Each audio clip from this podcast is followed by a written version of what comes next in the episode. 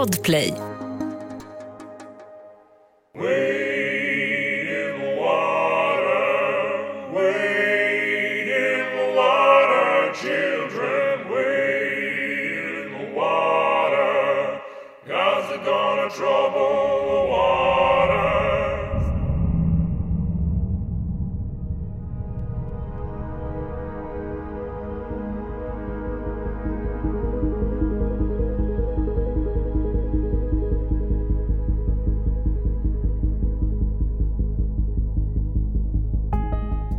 Då ser jag ju på hennes läppar att de börjar bli eh, missfärgade, börjar bli lite blå. Och att hon börjar, få, börjar bli vit om kinderna.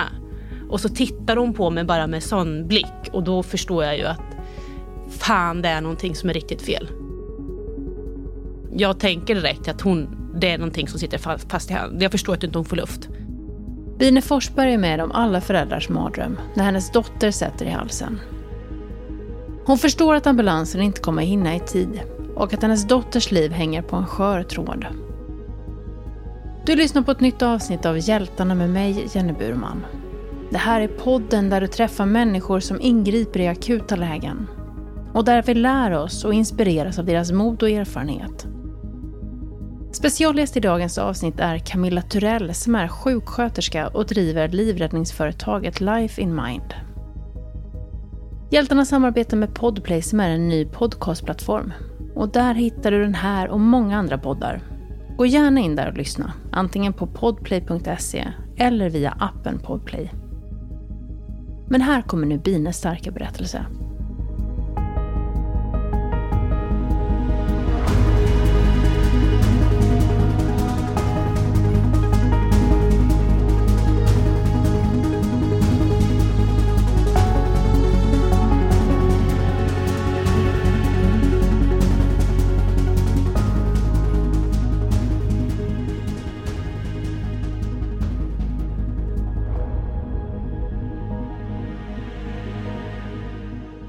Här berättelsen handlar om familjen Forsberg som består av pappa Pelle, mamma Bine som tillsammans har döttrarna Ellen och Vera som vid tillfället är fyra respektive två år gamla. Familjen är idag bosatt i Finspång men när den här historien äger rum bor de i Barkarby strax utanför Stockholm. Sommaren börjar gå mot sitt slut och i tvåvåningshuset har familjen precis vaknat. Bine ska iväg till jobbet och är tillsammans med döttrarna på nedervåningen där husets kök och vardagsrum ligger. Pelle har fått lite sovmorgon och ligger kvar i sängen på övervåningen. Ja, alltså det här var ju på morgonen och jag skulle börja jobba efter semestern. Eh, min man skulle fortfarande vara hemma med tjejerna en, en vecka till. Eh, så att jag hade gått upp på morgonen med tjejerna och Ja, vi hade lite mysigt i vardagsrummet och jag höll på liksom, gjorde ordning med och skulle snart till jobbet och min man låg och latade sig liksom i sängen. Så som man får göra när man får lite liksom, sovmorgon. Eh, och vi har alltid ofta haft liksom som rutin på morgonen. För barnen har alltid ätit eh, frukost på förskolan. Att de är lite småsugna på någonting på morgonen. Att de äter en rån och skorpa. Och sitter och vaknar till och så här, kollar på sin iPad eller på någon morgon-tv. Barnen är i vardagsrummet medan Bini gör sig i ordning i badrummet. Hon är strax redo att gå till jobbet. Då hör jag ena, alltså Vera, tvååringen, att hon börjar gråta lite. Jag hör någon smäll och så gråter hon lite så konstigt. Jag känner inte igen gråten men hon har varit inne i en väldigt så här, trotsperiod de senaste liksom, månaderna. Så nu var bara, ja men nu har hon fått för sig någonting igen. Och så hör jag stora tjejen säga, mamma jag tror Vera har gjort illa sig. Och då går jag in i vardagsrummet och frågar, men vad, vad har hänt? Och då kommer hon alltså springande till mig och så...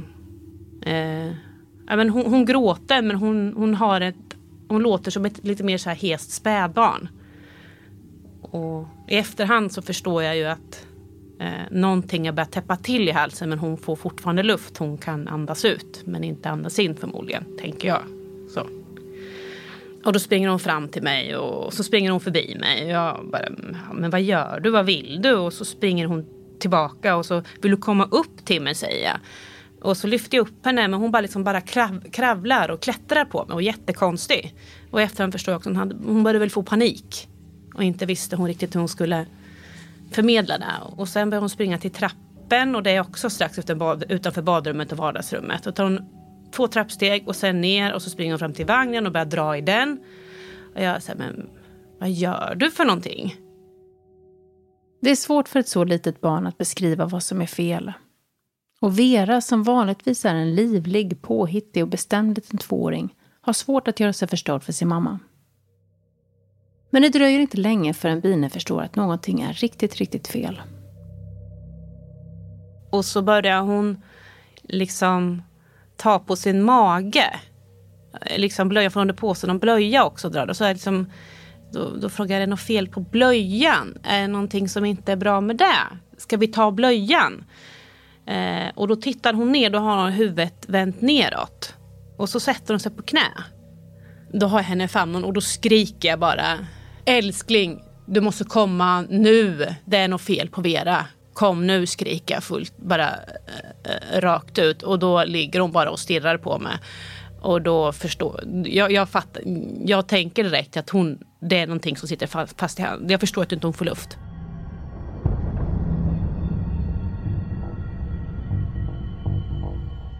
Pelle ligger vaken på övervåningen och hör direkt allvaret i Bines röst. Han sätter full fart mot nedervåningen. Reflexmässigt rycker han åt sig telefonen som ligger bredvid honom på nattduksbordet. Eh, men direkt när jag ser när jag håller den för och ropat på honom så då vänder jag. För då, då, då, då förs hon försvinner där och då. Liksom. Det går så fort. Ja, så förmodligen har ju hon, hon har sprungit omkring så har inte hon fått in, antar jag, in luft utan hon får ut. Så eh, är det tillräckligt mycket eller något. Så då vänder jag henne om i jag har henne i mitt knä. Vänderna ja, lite alltså framåt. Lutat med huvudet halvt neråt i mitt knä. Och så började jag slå henne i ryggen. Ett poddtips från Podplay. I podden Något Kaiko garanterar östgötarna Brutti och jag, Davva, dig en stor dos skratt. Där följer jag pladask för köttätandet igen. Man är lite som en jävla vampyr. Man har fått lite blodsmak och då måste man ha mer. Udda spaningar, fängslande anekdoter och en och annan arg rant. Jag måste ha mitt kaffe på morgonen för annars är jag ingen trevlig människa. Då är du ingen trevlig människa, punkt. Något kajko, hör du på podplay. Därför är gardinerna. Samtidigt har Pelle rusat ner från övervåningen och kommit ner till hallen. På golvet ser han Bine tillsammans med Vera. Min man ångar ner och han ser det och jag skriker. Hon, hon är borta. Jag tror jag skriker hon är borta. Hon ring 112. De måste komma nu, de måste komma nu. Nu skriker jag bara åt den. Han bara eh, panikvänd. Så jag, vänd, jag vänder upp för, då för att jag ska kolla henne någonting. Då ser han ju att hon är medvetslös. Och att hon är helt, det är lila läppar. Det är, Eh, eh, hon är, bli grå liksom. Eh, så då eh, ringer han 112 och typ skriker vi han tvååring som inte andas här. Ni måste komma nu. Eh, och jag slår henne i ryggen. Eh, fortsätter och jag vet att i början när jag gör det första gången så är jag liksom, tänk om jag gör illa henne känner jag först. För att det är ju ändå mitt barn, man, man slår ju inte sitt barn. Så det, det går ju emot en men jag bara känner nästan på en gång, nej för fan vad jag måste ta i. Ska någonting hända så måste jag, nu måste jag ta i. Så jag tar ju i. Eh, och sen vänder jag på henne och så börjar jag ge henne konstgjord andning. Med sin medvetslösa tvååring i famnen gör Bina allt hon kan för att få liv i henne. Och hon försöker dra sig till minnes vad hon lärt sig om livräddning. Några år tidigare gick hon en kurs via jobbet och hon har också kollat instruktioner som finns på nätet. Ellen, äldsta flickan, hon har knappt aldrig satt i halsen. Vera har alltid varit väldigt matglad och glupsk. Så det har hänt ett par gånger att man har varit framme och dunkat lite för hon har liksom ätit någonting för fort. Så att, och det har jag alltid tänkt att det, det är fan min värsta mardröm. Vad skulle jag göra om någonting skulle hända? Eh, och sen tror jag, är det väl så egentligen att, tror att om de, om de redan är miss, alltså medvetslösa så ska man väl egentligen koncentrera sig på att hålla igång hjärtat. Men någon hjärtmassage gjorde jag inte. Utan jag tänkte att jag skulle försöka få in luft i hennes lungor, att hon skulle få i sig luft eftersom att hon var medvetslös. Och ja, sätt den där så kanske jag kan blåsa ner den. Någon, någonting.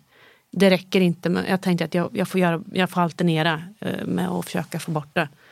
För vad händer då när, när du, har, eh, du har dunkat i ryggen och så vänder du henne om? Vad, vad händer då? Det händer ingenting med henne. Det... Eh, nej, det... Det blir inga... Det händer ingenting. Det, det blir inga resultat. Och min man, jag har gjort flera gånger, men han säger att de är på väg, två ambulanser. De, de kommer snart. De är... Och jag vet ju det. Jag ändå jag tänker att det spelar ingen roll. Det spelar ingen roll om de kommer, för de kommer inte hinna. hinna. Hon, kom, de, hon kommer inte fixa det, för de kommer komma för sent. För jag känner det. Hon, det, har gått, det har redan gått så långt och jag känner att det bara blir värre och värre. Jag, det är liksom den, den potatissäck i mina armar. Ett livlöst barn som jag har som är helt borta. Hon ser, liksom, hon ser ju död ut. Eh, och jag vet att jag måste få bort det här för annars kommer inte det här att gå. Den, det, måste, det går inte. De hinner inte. Det, jag, jag kan förklara det som att det är som timglas. Att man, man, man känner hur, den här, hur livet rinner ut henne. Det är precis som den här sanden. Jag känner det. Hur det bara rinner ur händerna på mig. Min man pratar med 112 hela tiden och, och gråter.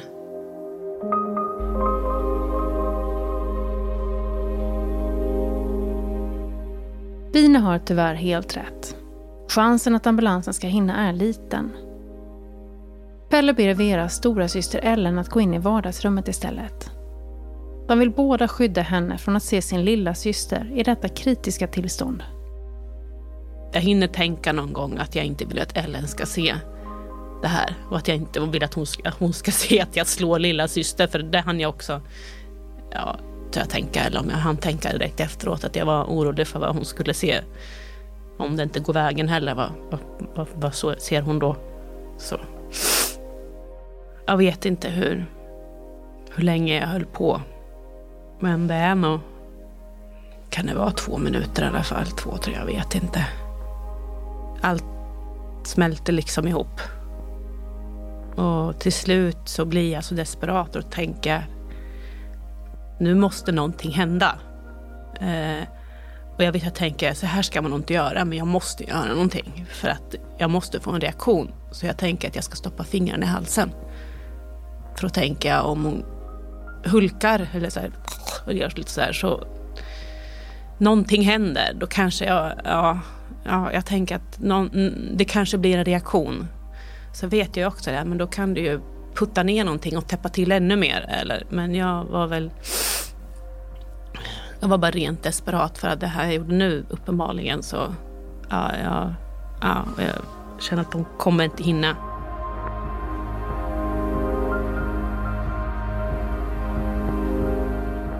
Vid akuta lägen är det avgörande att kunna agera snabbt. Jag har därför träffat Camilla Turell som sedan flera år arbetar med att utbilda inom livräddning på sitt företag Life in Mind. Hon har tidigare arbetat som sjuksköterska och jobbat i ambulans och är expert på hur man ska göra om olyckan är framme. Vad tänker hon när hon hör Bines berättelse? Wow, att hon agerade så snabbt. Liksom. Hon agerade ändå på en gång. Både genom att skrika på sin man eh, och göra något fysiskt. Liksom. Eh, så jag tycker hon har känts väldigt rådig. Hur långt det tar det för ambulansen att ta sig till platsen? Och finns det egentligen någon chans för dem att hinna?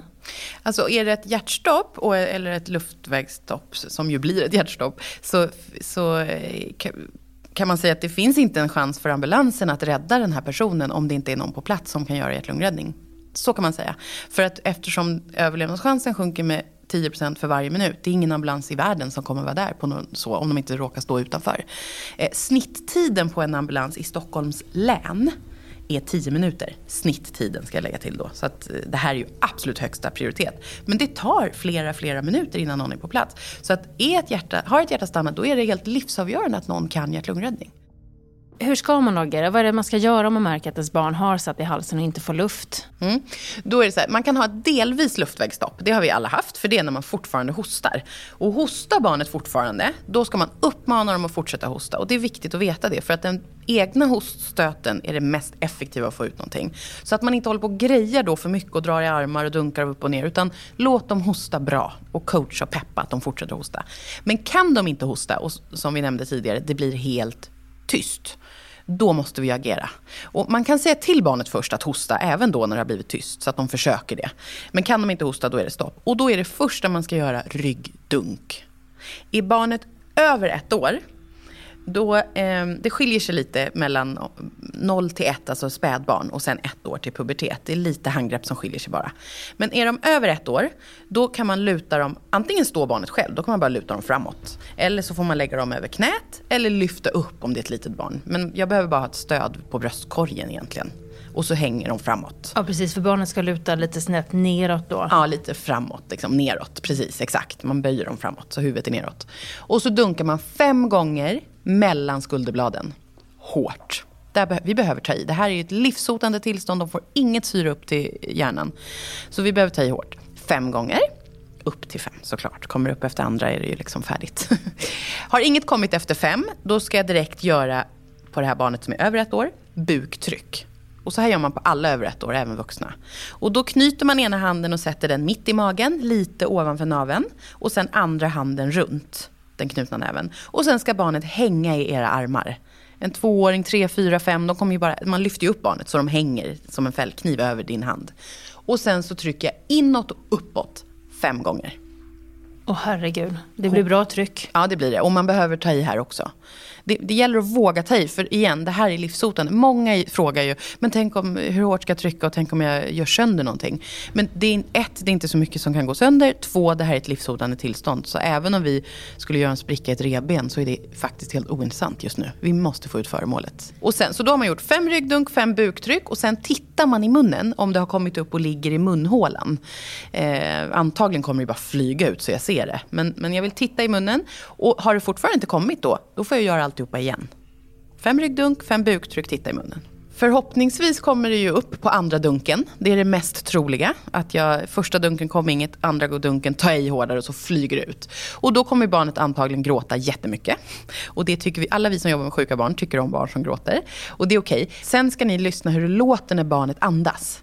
Det låter ju ingenting när vi andas. Är det minsta lilla biljud som vi säger, att det låter då sitter det ju någonting kvar någonstans. Och då är det 112 som gäller om man inte redan har ringt. För att vi vet ju inte var det sitter och vart det ska ta vägen. Så att är det minsta konstigt ljud eller väldigt kraftig hosta eller så efter ett sånt här tillbud så behöver man komma med ambulans till sjukhus. Och, och vad händer sen då? då? Förhoppningsvis så andas ju barnet. Men om barnet då efter ryggdunk och eh, buktryck inte andas vad, och barnet mm. blir då medvetslöst? Ja, för det är ju det som kommer hända till slut. Om vi inte får upp föremålet så kommer barnet till slut bli medvetslöst. Och då startar man hjärt och lungräddning. Och där gör ju eh, bin helt rätt. Att mm. Hon börjar ju med inblås. Mm. Och det är ju, då har det gått så långt. Det vi hoppas på då, det är ju att få ner föremålet. Eh, då har vi försökt så mycket att få upp det och nu kommer ju hjärtat snart att stanna. Så då behöver vi eh, börja blåsa och pumpa runt. Och i det läget så hoppas vi på att vi blåser ner föremålet. Så får man ta hand om det på sjukhuset sen. Då startar man hjärt och lungräddning. Så då är det göra fem inblåsningar och sen trycka på bröstet och blåsa. Då. Behöver man tänka på att man ska blåsa hårt eller försiktigt? Eller hur blåser man på ett barn då? Man, man, får ta i lite till, för det är ju stopp. Om man tänker att det är ett, luftröret är ett sugrör och det sitter någonting där. Det är ju stopp, så det kommer ju vara väldigt trögt att blåsa då. Eh, så att lite luft går alltid ner vid sidan om föremålet. Och som sagt, det bästa som kan hända nu det är att vi blåser ner det. Och då kommer det sätta sig i ena lungan. Men vi har ju två, så att då har de fått en fri luftväg upp till hjärnan och har den andra lungan fungerande. Det här vill jag påtala är, det är väldigt, väldigt ovanligt att det går så långt. För de här handgreppen som vi har nämnt är ju väldigt effektiva. Eh, men det är väldigt viktigt att veta att man behöver påbörja hjärt-lungräddning. För då behöver vi börja pumpa runt blodet. Om det går så långt att de blir livlösa och hjärtat stannar. Mm. Så då försöker man alltså blåsa ner eh, eventuellt föremålet genom att göra munblås? Fem, fem, fem, stycken? stycken. Mm. Fem stycken och sen är det att starta hjärt-lungräddning och då är det trycka 30, blåsa 2. Och så gör man, då får man fortsätta med det. 32, 32, 32. Ända tills ambulansen kommer. Vi är tillbaka hos Bine som desperat söker efter någon form av reaktion från Vera. Som en sista utväg försöker hon stimulera flickans kräkreflex genom att stoppa ner sina fingrar långt bak i flickans svalg. Så jag stoppar ner fingrarna i halsen. Och då känner jag ju också att det är någonting kladdigt där tror jag. För jag trycker ner dem ändå ganska liksom. Första gången så gör jag igen tror jag och då reagerar hon. Eh, gör hon. Och sen, hur, rea hur reagerar hon då? Alltså det blir en kräkreflex. Bra tänker jag. Och så gör, gör jag igen och då re, gör hon kräkreflex igen. Och så slår jag. Och så tittar jag på henne och, och då tittar hon upp. Uh, gör hon. Jag får kontakt liksom. Så här, och, så, och så tycker jag att hon får lite, någonting händer. Och sen så tittar hon på mig och sen så här, åker ögonen bakåt igen. Och så försvinner hon. Ja, då, då ropar jag nej. Nej. Vakna, vakna, du får inte försvinna igen. Du får inte liksom. Och då slår jag väl igen på henne och då tittar hon upp och så tar hon ett andetag. då börjar hon gråta. Och så får hon färg tillbaka. Det går snabbt när hon får tillbaka färgen tycker jag. Eller känns så i alla fall, någonting händer. Och så eh, gråter hon och jag bara kramar henne och jag sitter fortfarande där på, på knä i hallen. Det är en obeskrivlig lättnad att hon kan andas. Och Bine misstänker att det var ett smörgåsrån som blivit en degklump och fastnat i halsen. Han blir ju så lättad. Och jag håller henne och jag bara tittar på Jag kan ju inte släppa henne med blick, såklart inte. Och inte jag bara krampar och sen så tror jag vi hur man förklarar att eh, de, för de 112 frågar är, är, vem är det som gråter, är det henne vi har? Och han bara, hon gråter, hon gråter. Jag tror, jag tror hon andas, det, det är nog eh, okej. Okay. Och de bara, ambulanserna på de kommer eller något så här. Så de pratar vidare. Jag går in och sätter mig i soffan med henne. I telefonen har Pelle SOS-alarm som säger att ambulansen är på väg och strax kommer vara framme. Bine sitter orörlig med Vera i soffan, tagen av händelsen. Hon släpper inte sin dotter med blicken för en sekund. Så sitter vi där och jag bara sitter och kramar henne och pratar och klappar för att kolla liksom. Fortsätter. Jag vet, hon måste andas hela tiden. Jag måste se, jag måste känna, är det skada, något fel? Har jag gjort något illa? När jag har slagit på henne. Har jag brutit någonting? Kommer hon vara helt blå på hela ryggen? Vad minns hon? Då börjar jag bli orolig för att, tänk om hon minns att jag har liksom mamma har pucklat på sådär. Vad blir hennes upplevelse? Vad har, så då börjar jag få massa sån liksom, dåligt eh, alltså skuldkänsla för att jag gjorde det och sen att ah, okej, okay, jag gjorde nog inte som man skulle. Tänk om jag hade gjort så och så gick det inte. Då hade jag aldrig förlåtit mig själv. Jag hade ju aldrig klarat. Jag vet inte om man skulle kunna förlåtit sig själv om det inte hade gått överhuvudtaget eftersom jag... Ja, men vi satt där i alla fall hon och jag i soffan och min man i chock sprang omkring och han började dammsuga. Det har vi skrattat gott åt. I chocken. Före ambulansen kom till och med? Ja. Han drar fram en dammsugare. Människor i chock. Så. Uh, ja.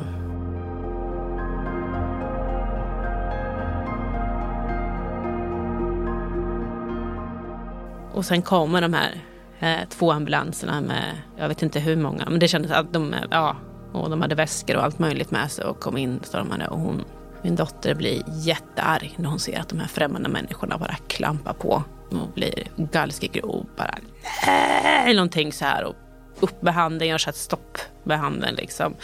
Och då börjar man nästan liksom gråta mer och skratta och de sa att åh, det här gillar vi när vi kommer på sådana här larm.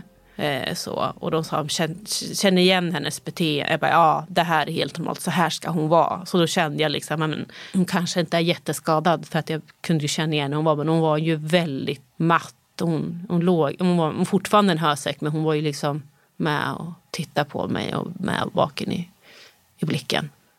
Det mest akuta är över. Ambulanspersonalen undersöker Vera och gör en första bedömning. Därefter får Vera och Bine följa med till sjukhuset för vidare undersökning. Eh, men vi åker in och de, de tar emot oss från ambulansingången på en gång. Vi går ut och jag, jag bär henne hela tiden. Då för att dels är hon tryggast för mig och såklart och sen så släpper inte jag henne. Finns det inte en chans att jag skulle liksom, släppa henne till någon.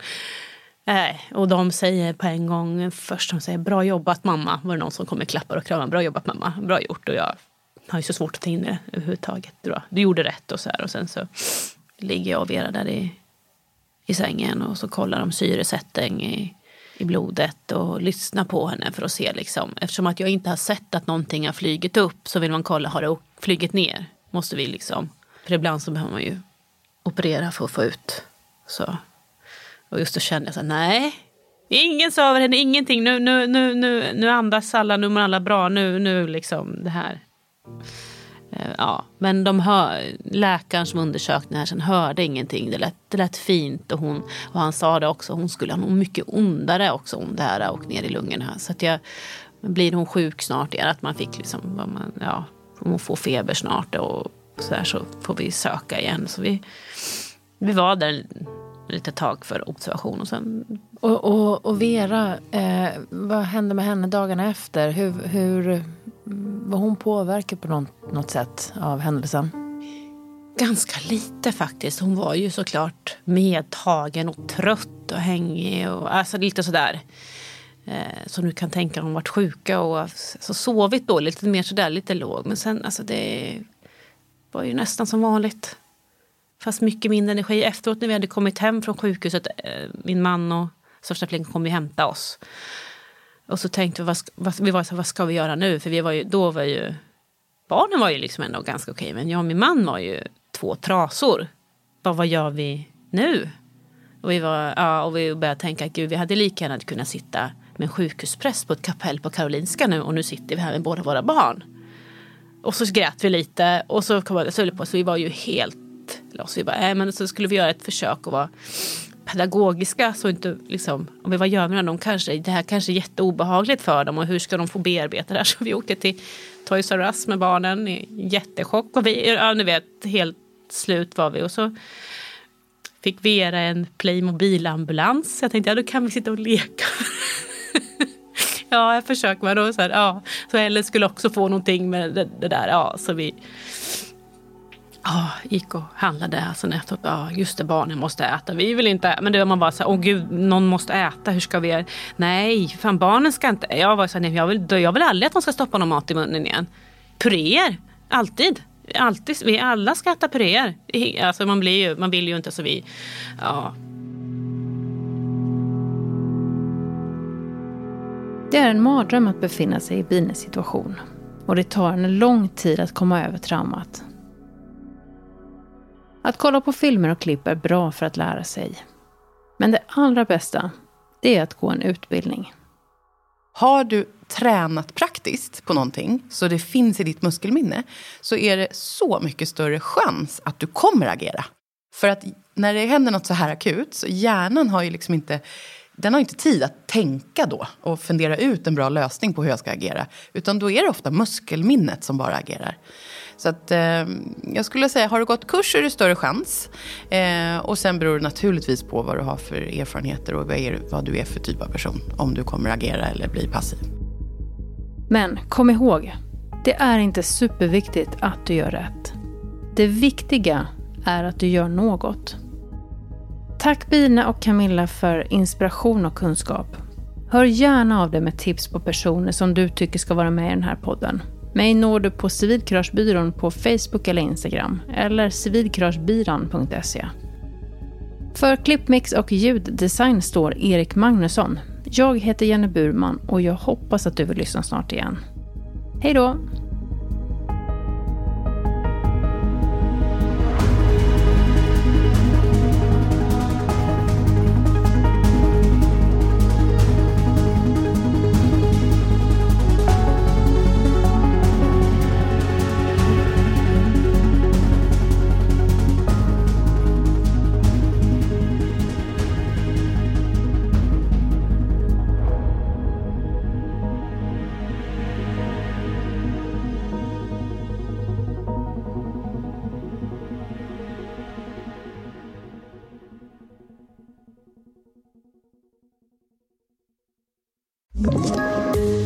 Poddtips från Podplay. I podden Något Kaiko garanterar östgötarna Brutti och jag, Davva, dig en stor dos skratt. Där följer jag pladask för köttätandet igen. Man är lite som en jävla vampyr. Man har fått lite blodsmak och då måste man ha mer. Udda spaningar, fängslande anekdoter och en och annan arg rant. Jag måste ha mitt kaffe på morgonen för annars är jag ingen trevlig människa. Då är du ingen trevlig människa, punkt. Något Kaiko, hör du på Podplay. Därför arkadeinerna.